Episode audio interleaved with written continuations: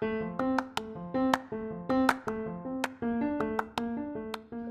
pertama dengan adanya staff itu kan nggak jelas juga dia mau ngapain. Nah, Buktinya sebelum adanya muncul polemik yang kemarin dari staff sus presiden itu nggak ada gerakan atau tindakan nyata sebagai staff milenial katanya. Apa coba dampaknya? Apa kebijakannya memang pro ke milenial? Nggak ada. gue nggak kerasa loh sebagai gue gue sekarang mengakui ya sebagai kaum milenial nih. Gue ini nggak ngerasa impact sedikit pun dari adanya staff sus presiden itu yang bawa bawa nama milenial. Dia nggak? Lu ngerasain gak sih? Ya paling, ya paling lu juga ngerasa kan paling ini aja. Pemerintah lebih lebih update via media sosial, lebih kekinian. Mungkin itu aja. aduh kacau emang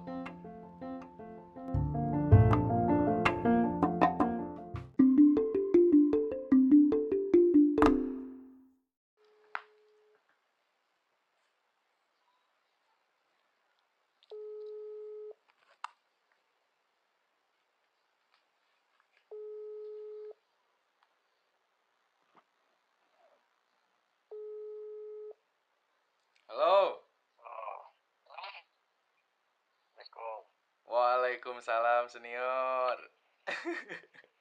Siap tuh. Gimana gimana gimana? gimana kabarnya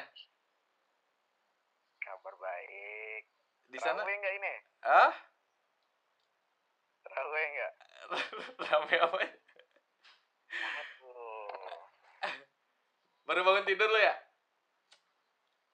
Enggak. oh, enggak Baru habis tadarusan ini. Eis, ngeri.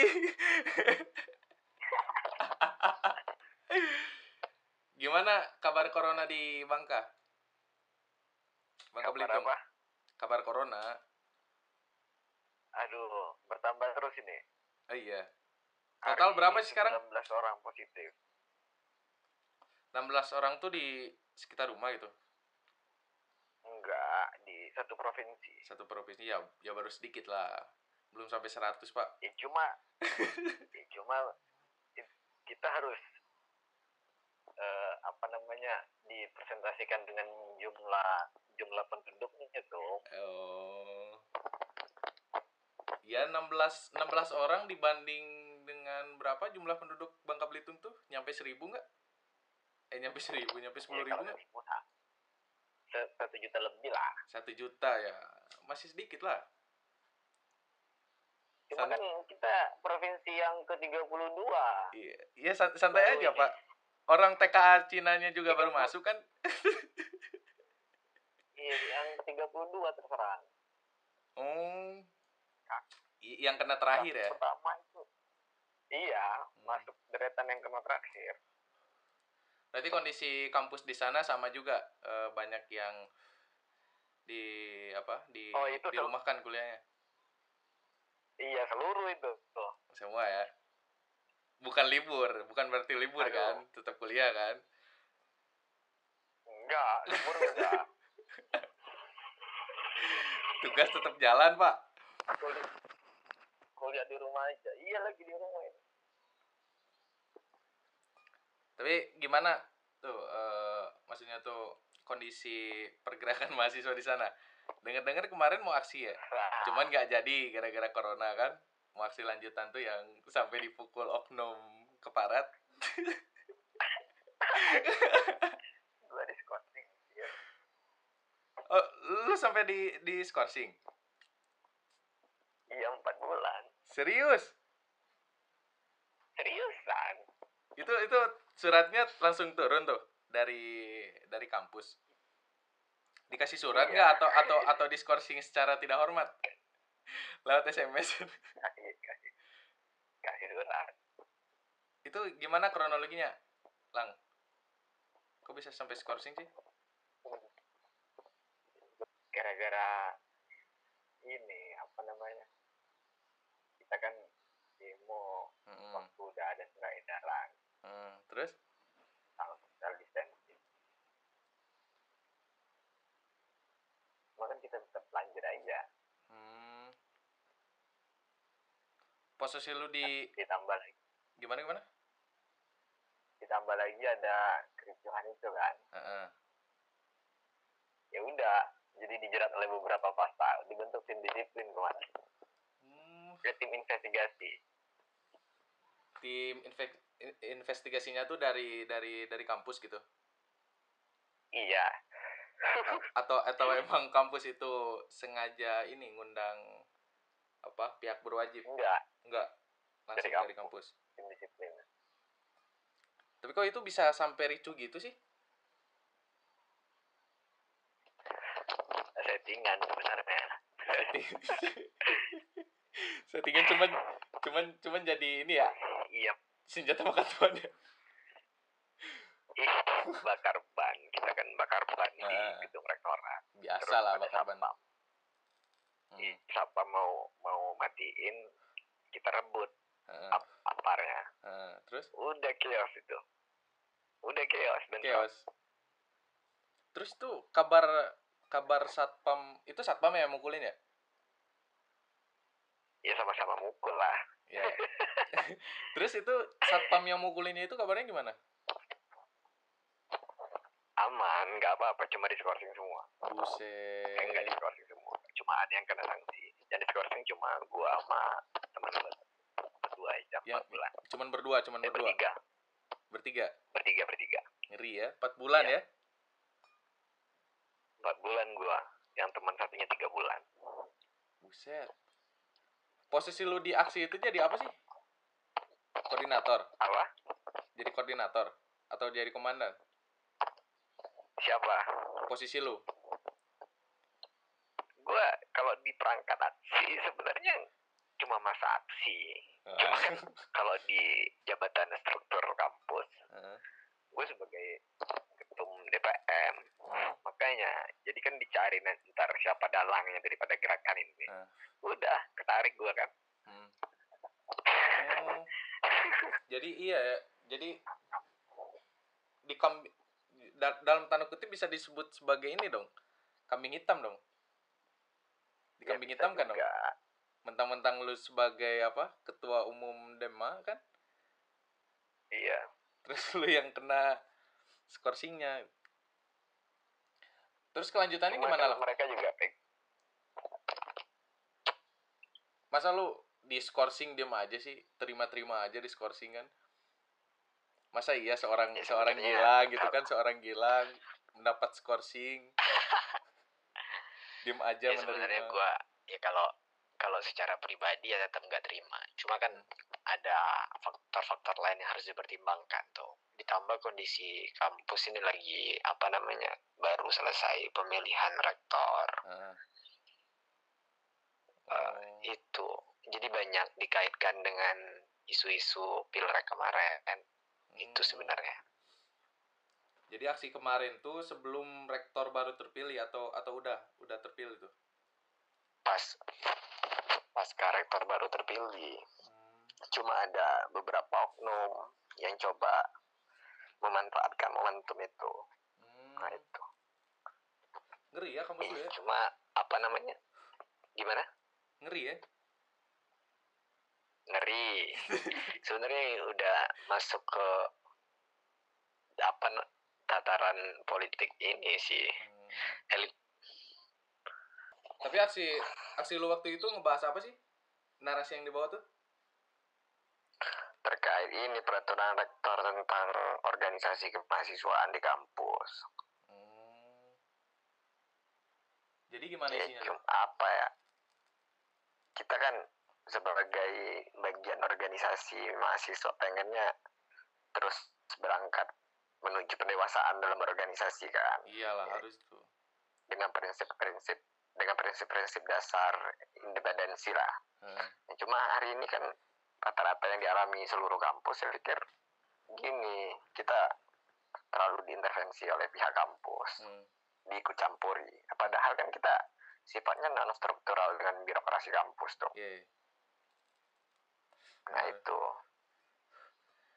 Jadi eh, intinya tuh struktural organisasi kemahasiswaan tuh diatur sama SK itu gitu. iya sama surat direk eh, iya Ngeri, surat eh peraturan rektor. Di kampus gua juga kayak gitu peraturan sih. rektor ya ribet lah. Kampus gua juga kayak gitu cuman eh, kemarin-kemarin itu sebelum corona sebenarnya mau ada gerakan cuman nggak jadi kan karena corona ini. Dileburin lah semua kampus. Tiba-tiba si kampus ini ngeluarin kebijakan eh apa ngasih sembako buat mahasiswa terus ngasih kuota gratis ya. Gua tuh suzon suzon gua ya suzon gua tuh ya cari aman aja ini yang apa memegang kebijakan kampusnya tuh. Terus itu gimana kabar kabarnya? Nggak ada tindak lanjut? Belum ada tindak ya lanjut? apanya? Atau nggak ada tindak lanjut dari lo Ya, nggak ada ya intinya ya ini ada proses negosiasi.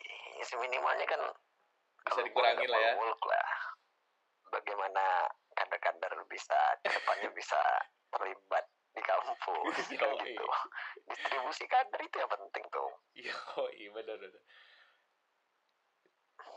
Gua gua mau tahu dong lang eh, kondisi organisasi di kampus lu tuh sebelum corona datang kayak gimana sih? Kondisi ini banyak banyak apa namanya eh tahapannya sebelum sebelum corona persis atau Sebelum. sebelumnya lagi sebelum corona dulu itu kan kayak gini kita hmm. sebelum ada peraturan rektor ya Hmm. eh, kampus itu eh organisasi di kampus itu memang apa namanya kemerdekaan berorganisasi di kampus itu memang diberikan ke Hmm. mahasiswa secara utuh Iya. kedaulatan ibaratnya. Memang kita di, diberi kebebasan untuk mengatur sistem organisasi kemahasiswaan. Artinya tidak ada ikut campur Iya, dari birokrasi kampus. Independen lah ya. Cuma dengan adanya peraturan rektor itu semua menjadi berubah. Dan yang buat kawan-kawan semua tidak terima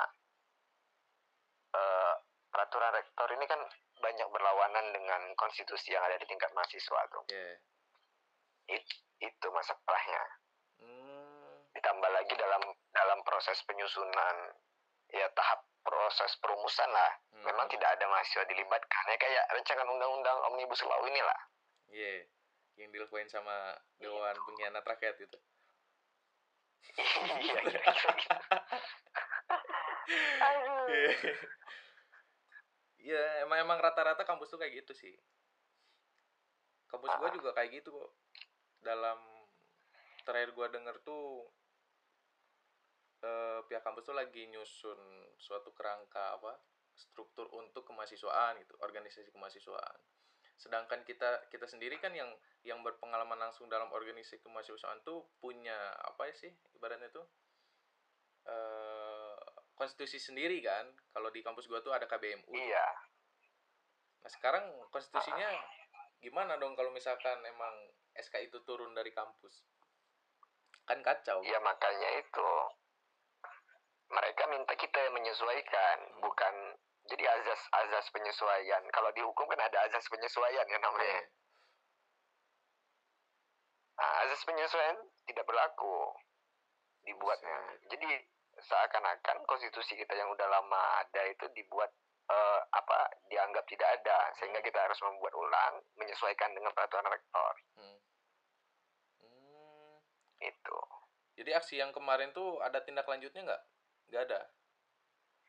Belum ada lagi. ya pasca pasca covid ini kemarin kan gua sempat dipanggil oleh Hmm. wakil rektor Hmm, hmm. satu beberapa kali nah pasca covid ini nanti kawan-kawan bakal di ini dipanggil lagi untuk Hmm. pembahasan ini dan bakal memang pasti akan dirubah Hmm, hmm. yaitu Semoga kampus lu sadar ya. Iya. Sebenarnya apa ya birokrasi kampus ini kan juga bagian dari korban sistem kalau gue lihat Nah, karena bukan satu satu dua kampus sebenarnya ini udah dialami oleh sebagian besar lah di Hmm. atas 75% saya pikir kampus-kampus merasakan hal yang semacam ini iya. Bener sih. Gue gue sepakat Cuma- sama iya tinggal bagaimana mahasiswanya yang menyikapinya kan Hmm. Apakah mahasiswanya berani atau enggak ya? iya kadang-kadang kan kawan-kawan mahasiswa ini juga Letoy. Eh, nggak Kayak punya tahu ya.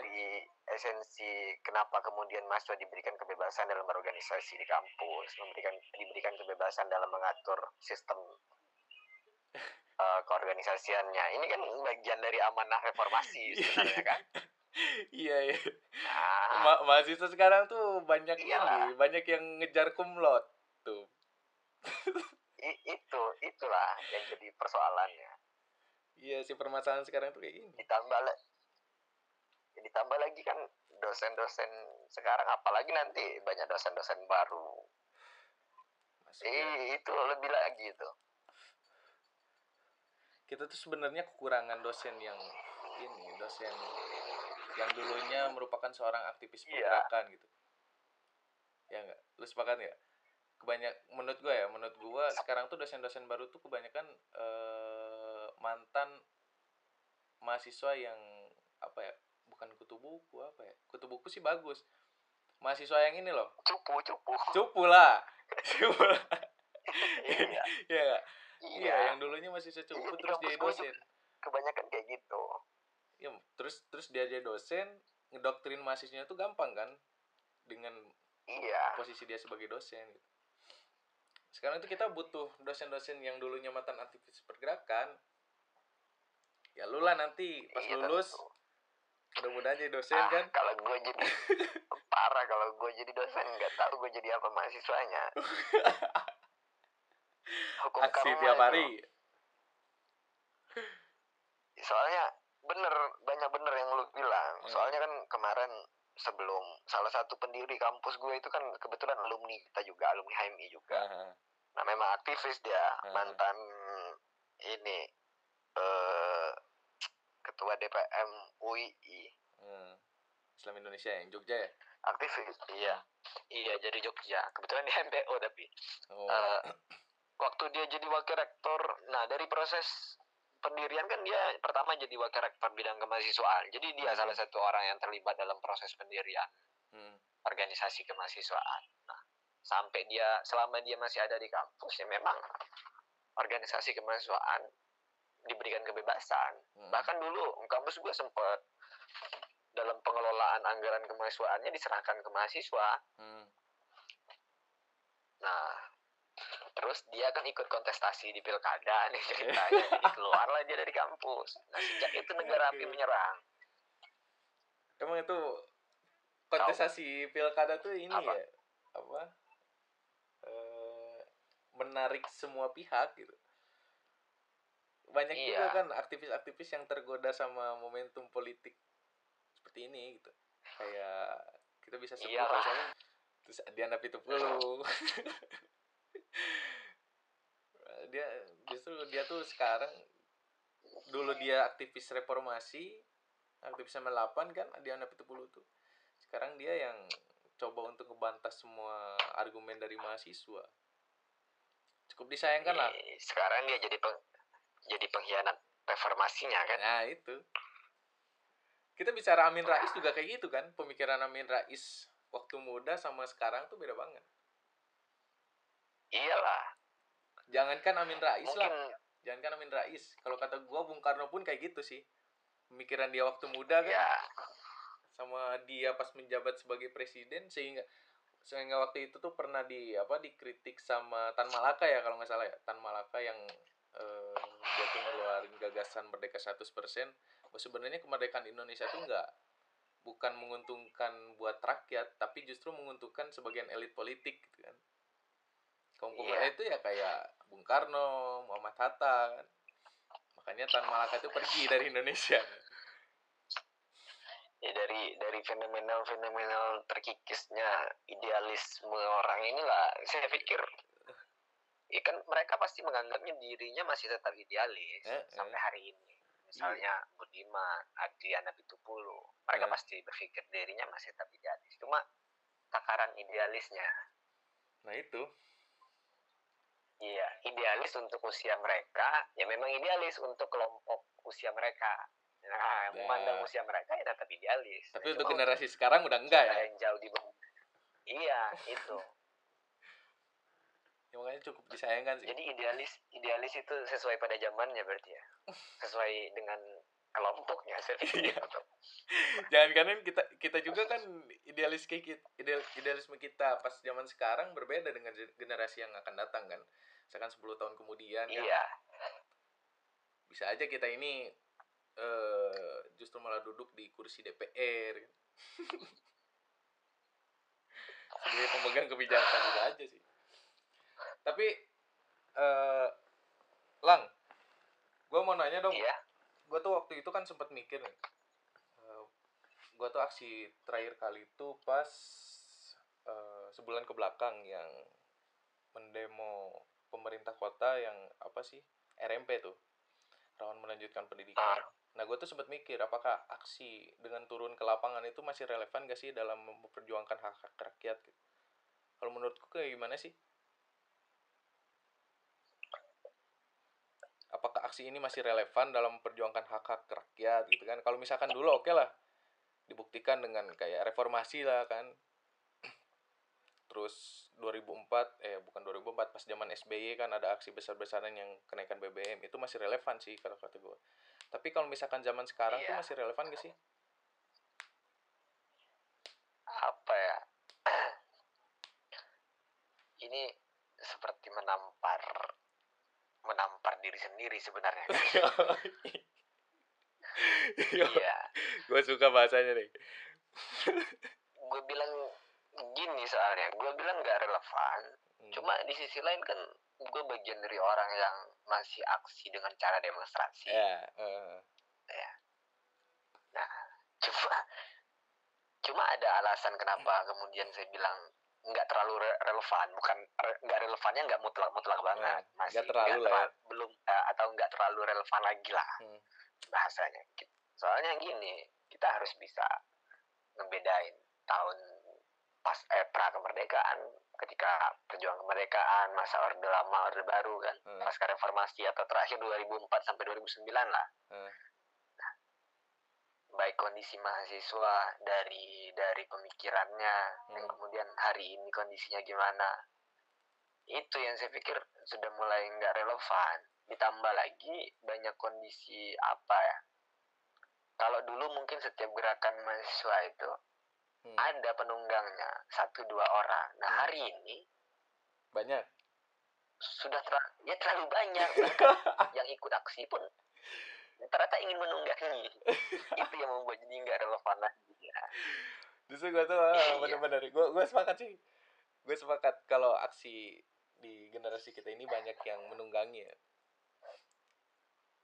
Malah itu. eh, lebih disayangkan ketika Ditambah- mahasiswa sendiri kan yang menunggangi Ah. kelompok dari mahasiswa itu sendiri. Terus gimana? Ya ditambah lagi kan kayak gini. Apa namanya pemerintah maupun pihak keamanan itu kan sekarang udah sangat canggih gue bilang Hmm. dalam mengatasi setiap gerakan mahasiswa hmm.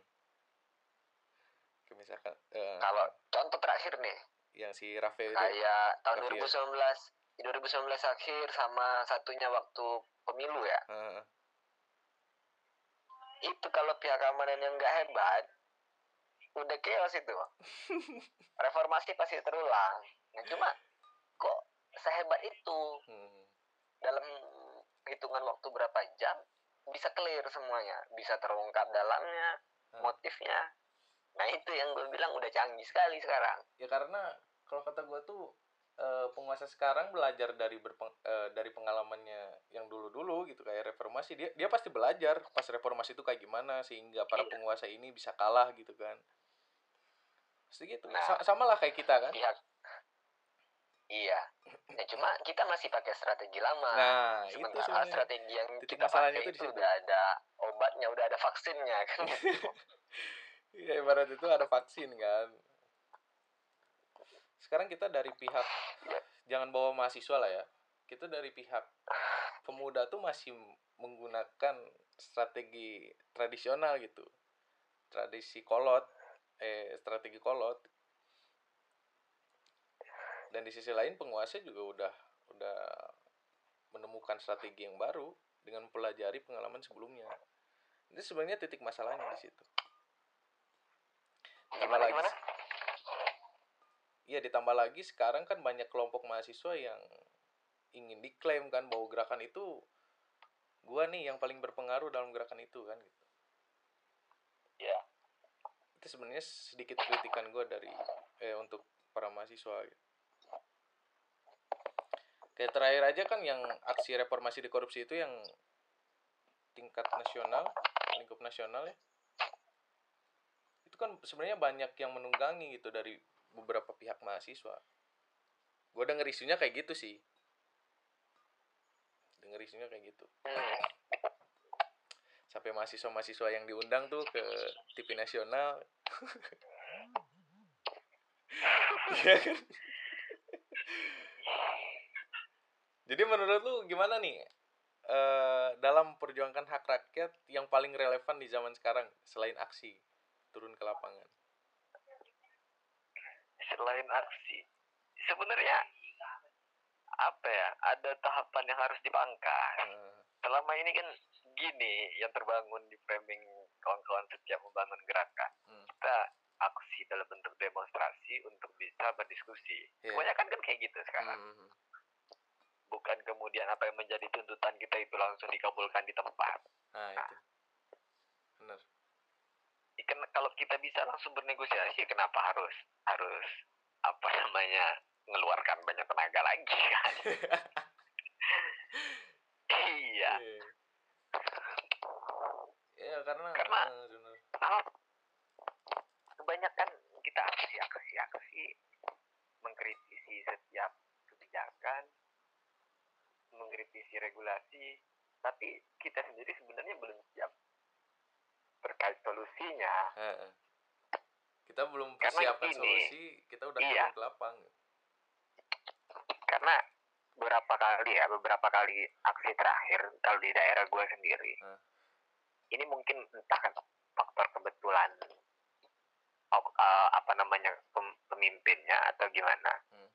cuma beberapa kali aksi terakhir mereka cenderung lebih terbuka bahkan Hmm. gue gue aja nih dari 2018 sampai 2019 akhir 2020 sampai hari ini Hmm. itu tuh kalau terkait regulasi daerah eh, apa namanya kalau di daerah perda ya peraturan daerah itu Hmm. dilibatin Hmm. dalam penyusunan karena ya? apa ada beberapa iya dalam tahapan penyusunnya kita dilibatin karena dalam beberapa kali kita aksi kita sertakan beberapa solusi yang ingin kita sampaikan nah ini yang kemudian ke depan akhirnya kita dilibatin dalam ketika berbicara tentang regulasi-regulasi yang ingin diterbitkan nah contoh hari ini misalnya terkait penanganan COVID-19 ya nah hari ini kan kita dibatasi untuk berkumpul dengan banyak orang, Hmm. dibatasi untuk keluar rumah, Hmm. bertemu dengan banyak orang. Cuma kan kita nggak dibatasi dalam berpikir, saya pikir kan Hmm. gitu. Iya. Minggu lalu gue kan datang datang ke DPRD, sampaikan menyampaikan apa namanya komitmen untuk ya dari HMI juga komitmen untuk terlibat dalam proses penanganan. Hmm. dan ternyata itu mendapat respon yang sangat baik. Nah, sekarang rencananya besok. Sekarang gue lagi nyusun beberapa rekomendasi yang akan diambil yang ingin disampaikan untuk diambil oleh pemerintah daerah. Hmm. Hmm. Kayak gitu. Karena memang udah nggak ini lagi sih sebenarnya nggak terlalu relevan lagi ketika kita harus pakai kekuatan eh, apa kekuatan massa ya Hmm. udah kurang lah ya powernya ya iya bener sih sepakat cuma gua. eksistensi aja sih sebenarnya Nah, nah, itu. Sekarang banyak mahasiswa tuh Iya. yang ikut turun aksi, wah pengen eksis dah, ya kan? Pengen kelihatan Iya, sebagai mahasiswa, sehingga dia posting kan di media sosialnya, gue lagi aksi nih. dia turun aksi untuk selfie kan biar nambah bisa nambah koleksi foto di Instagram Ya kan gitu Parah nih intrikannya anjir. Dalam banget, Pak. ya terbukti ya ter- terbukti kayak gini hari ini kan dalam momentum Mede ya. Hmm, tanggal satu ada hari buruh lalu tanggal dua ada hari pendidikan nasional. Eh, biasanya kan ini selalu ramai dengan dengan gerakan-gerakan mahasiswa. Eh, Ya, cuma dengan ka- dengan kondisi COVID-19 Hmm. oke lah secara gerakan di jalan memang kita hilang. Hmm. cuma untuk gerakan-gerakan dalam bentuk pemikiran saya pikir ini tidak ada alasan untuk hilang hmm. nah cuma hari ini karena selama ini gerakan-gerakan yang terjadi itu banyak yang ikut-ikutan akhirnya nggak ada Nggak ada sama sekali ya dalam bentuk pemikiran Hmm. iya Hmm. dari mahasiswa-mahasiswa ini kan membuktikan bahwa selama ini ternyata mereka ikut-ikutan Hmm.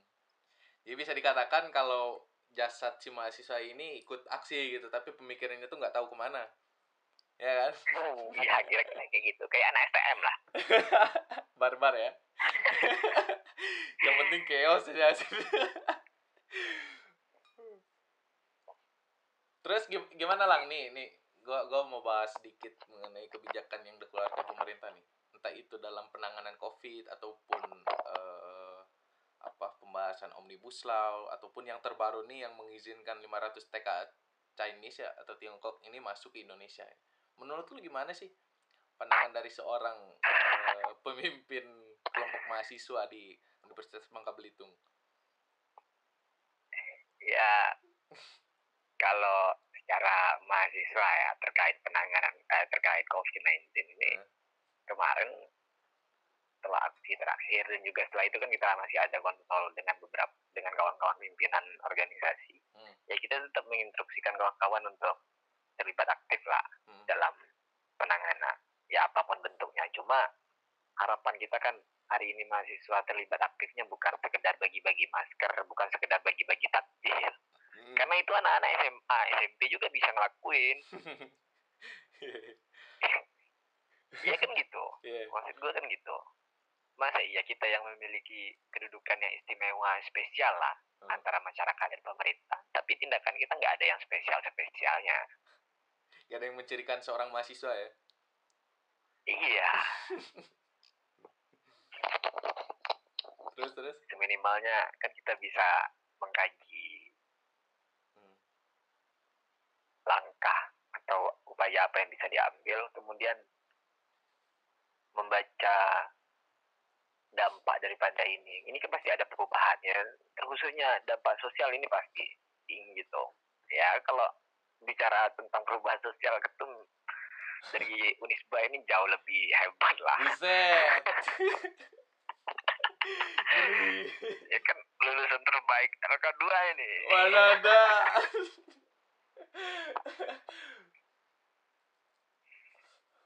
Terus kabar karena dari iya itu pasti.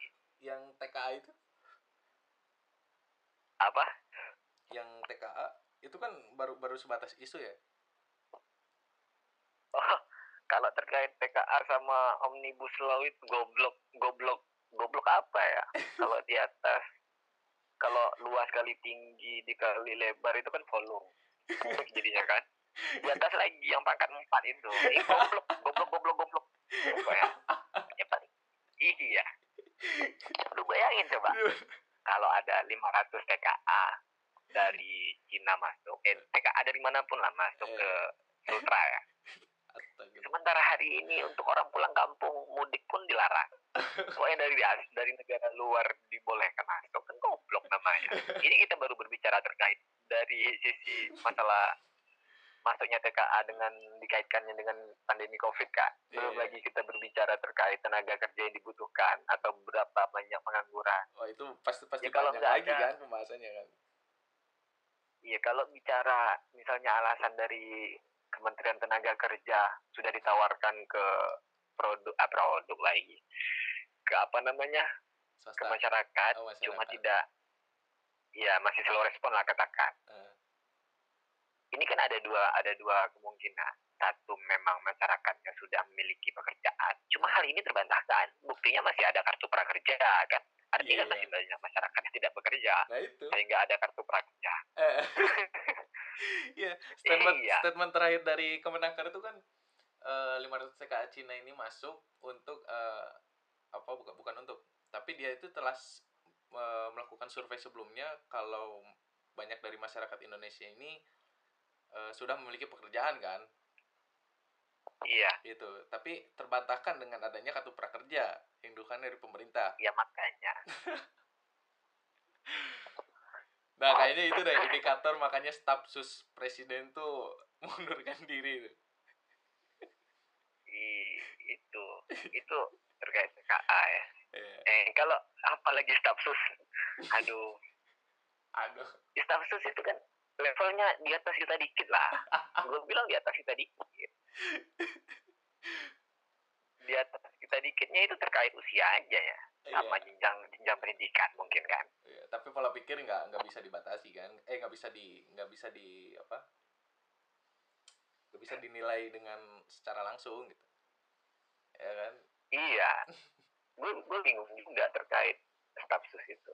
Eh pertama dengan adanya staf sus itu kan nggak jelas juga dia mau ngapain. Nah itu. Buktinya sebelum adanya muncul polemik yang kemarin dari staf sus presiden itu nggak ada gerakan atau tindakan nyata sebagai staf sus milenial katanya. apa coba dampaknya? Apa kebijakannya memang pro ke milenial. Nggak ada. Gue nggak kerasa loh sebagai gue gue sekarang mengakui ya sebagai kaum milenial nih. Gue ini nggak ngerasa impact sedikit pun dari adanya staf sus presiden itu yang bawa bawa nama milenial. Ya nggak? Lu ngerasain gak sih? Ya, pal ya paling lu juga ngerasa kan? Paling ini aja. Pemerintah lebih lebih update via media sosial. Lebih kekinian. Lebih mungkin itu kekinian, aja. aduh kacau emang. Sekarang kabarnya staf sus sudah dua ya yang mengundurkan diri kan iya ya dibubarin aja lah.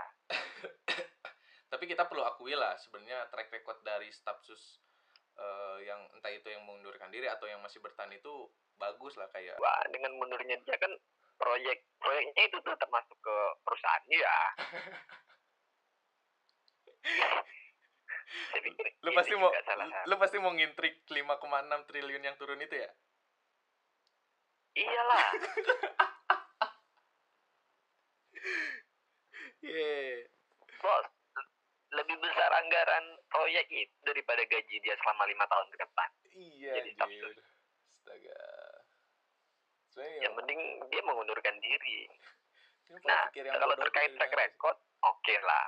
Track record staff sus yang dipilih itu kan memang ya harus kita akui. Itu kan Hmm. tapi track record jenjang karirnya pribadi.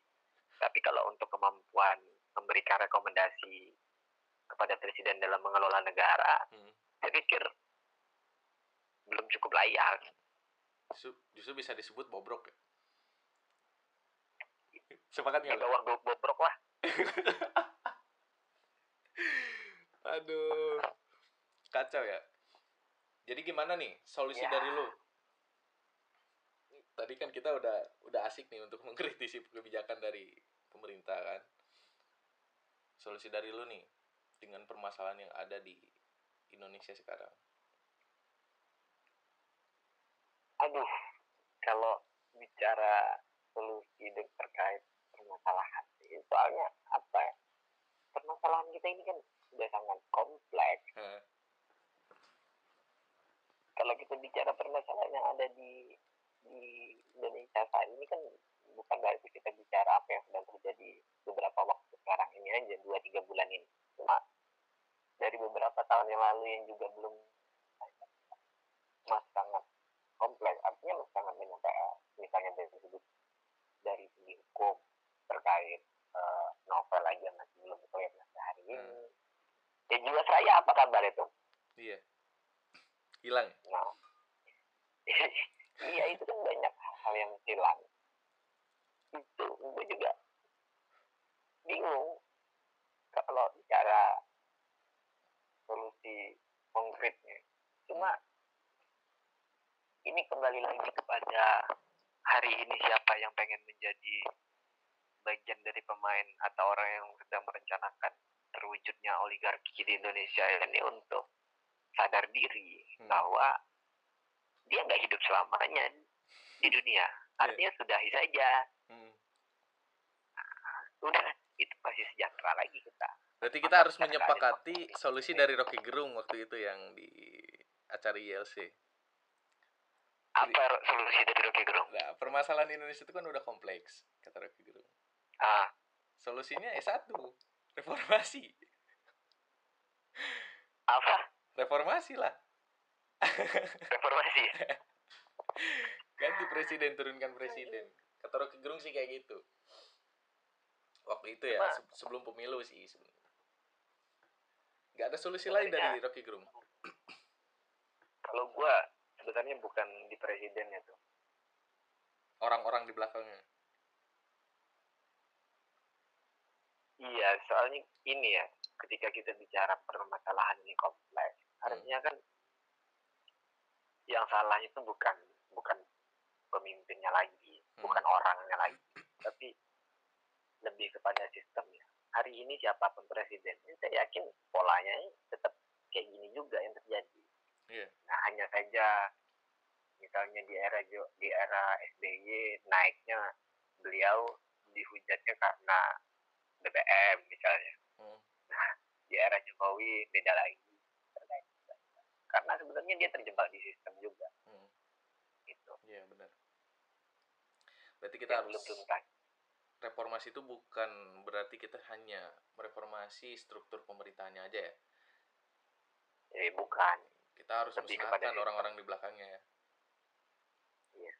Orang-orang di belakangnya itu kan bukan bukan orang deh. nanti Pihak-pihak di belakangnya itu kan ada banteng kan, ada pohon beringin. iya ya semua lah Semua. pokoknya ini revolusi Eh, bukan reformasi lagi Iya sih. Gue sebenarnya eh, sempat sempat mikir. Bos Indonesia tuh butuhkan revolusi yang besar. Nah, pergerakan yang besar tuh timbul karena eh, adanya permasalahan yang sudah begitu rumit gitu di Indonesia. Nah, kalau Iya. kata lu nih, kalau kata lu nih, permasalahan di Indonesia sekarang udah cukup rumit gak sih? Atau udah sangat rumit? apa deh ah iya. Bukan udah cukup rumit atau bukan apa tadi? Udah cukup rumit atau belum ya? Eh, udah sangat rumit. Udah sangat rumit ya. cuma ini ada gue gue pernah diskusi sama salah satu senior kita lah dia. Hmm. cuma kalau lu nggak perlu gue sebutin lah namanya. Mhm. lu juga tahu kalau gue sebutin namanya kan? Iya dia lagi nyusun nyusun ini apa disertasi ya Hmm. tentang demokrasi jadi ada beberapa faktor yang kemudian membuat negara berkembang dengan sistem demokrasi ini nggak akan pernah bisa maju Hmm.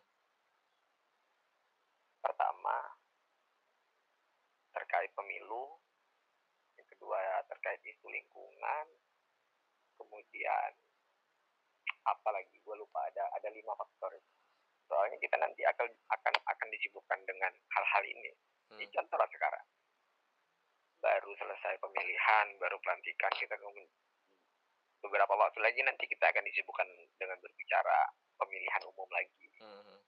pilkada lagi pileg di samping itu nanti kita- setiap tahun kan kita selalu disibukkan dengan berbicara isu lingkungan Iya. baik kebakaran hutan lalu ya banyak lah kalau bicara tentang isu lingkungan Hmm. nah hal-hal semacam inilah sebenarnya makanya gue bilang kita terjebak di sistem baik terjebak di sistem Hmm. negara dan juga sistem internasional sebenarnya tuh Hmm. ini kan kalau di negara kita zone-nya di, yang di belakang pemerintah itu kan sebelah misalnya sini nenek-nenek Hmm. kalau di belakang di belakang negara kan kita masih ada yang di belakangnya ada beberapa negara juga negara-negara besar yang kemudian demi kepentingan Hmm. dapur negaranya sehingga kita semua masih terjebak hari ini negara-negara kayak kita masih terjebak Hmm. Masih sering itu masih sering masuk dalam pusaran negara didaya itu ya. Iya. Jadi Ya, pilihannya mungkin perang dunia ketiga kayaknya keren. Iya kayaknya eh, sebentar lagi juga kayaknya perang dunia ketiga sih. atau ini pandemi covid ini bagian daripada perang dunia ketiga kan? Nah, itu kata Bill Gates. aduh. Jadi pada intinya, pada intinya kita harus siap membuat suatu pergerakan yang besar ya. ya. Tanpa tanpa adanya kepentingan golongan. Harus siap membuat satu gerakan besar dan tentunya harus bisa menyelesaikan gerakan yang kita bangun konflik itu sendiri. sampai selesai. Iya, oke terakhir nih terakhir nih. Pertanyaan dari gua harapan lu buat Indonesia ke depan kayak gimana lu kan nih gua, gua tahu lu lu nih calon presiden tahun 2024 2028 2032 lah aduh. Gilang Virginawan calon presiden Presiden termuda seluruh dunia gua kan. anjir Ya udah gua, gua aminin aja lah. Harapan harapan harapan gua apa ya? Harapan gua semangat semangat dalam meraih kemerdekaan itu hmm. lahir 100%. kembali dalam mengisi kemerdekaan hmm. itu kayak isi mukadimah AMI kan hmm. sebagai bagian umat muslim Indonesia sebagai bagian dari sebagai bagian ah gimana sih tuh gue lupa mukadimah anjir umat muslim Indonesia sebagai bagian dari bagian dari kemerdekaan intinya. Kita harus maka mengisi kemerdekaan itu. untuk mengisi kemerdekaan itu dalam wadah negara kesatuan Republik Indonesia. Ya pada intinya kira-kira pada intinya gitu. HMI itu harus masuk dalam setiap perjuangan rakyat kan? Iya harus. Oke. Ya itu kalau gue sih harapannya ya cuma itulah. Hmm, bagaimana kemudian semangat semangat dalam meraih kemerdekaan itu hadir kembali hmm. dalam mengisi kemerdekaannya sendiri. oke kalau gitu ada lagi gak Udah itu aja. ya? Jangan panjang-panjang. Kebanyakan diskusi lupa kita. anjir oke paling gitu aja tuh ya Ya sorry nih ganggu waktunya nih karena gua nelpon lu nggak lu nggak jadi pacaran kan karena gua nelpon Gua gua sebenarnya nunggu nunggu undangan dari komisariat ini teknik Unisba. Aduh. Ntar gue undang lah di acara diskusi ya, di angin dan diskusi. Gue bakal list nama Iyalah. lu di, di paling atas. Apalagi nanti ini kan bisa langsung diundang ke Unisbanya langsung. Aduh, gua tunggu banget. Pintu Unisba tuh selalu terbuka buat lu tuh.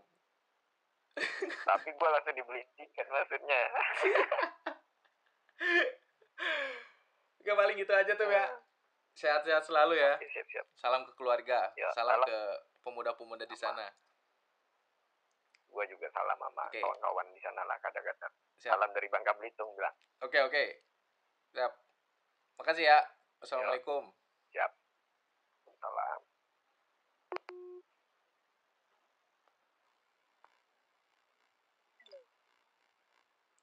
Oke, jadi sekian diskusi gue bareng salah satu penggerak dari setiap pergerakan yang ada di Bangka Belitung yaitu Gilang Virginawan. Kebetulan dia juga seorang eh, ketua Dema kemahasiswaan di kampusnya. Mungkin sekian dari gue. Akhir kata, wassalamualaikum warahmatullahi wabarakatuh.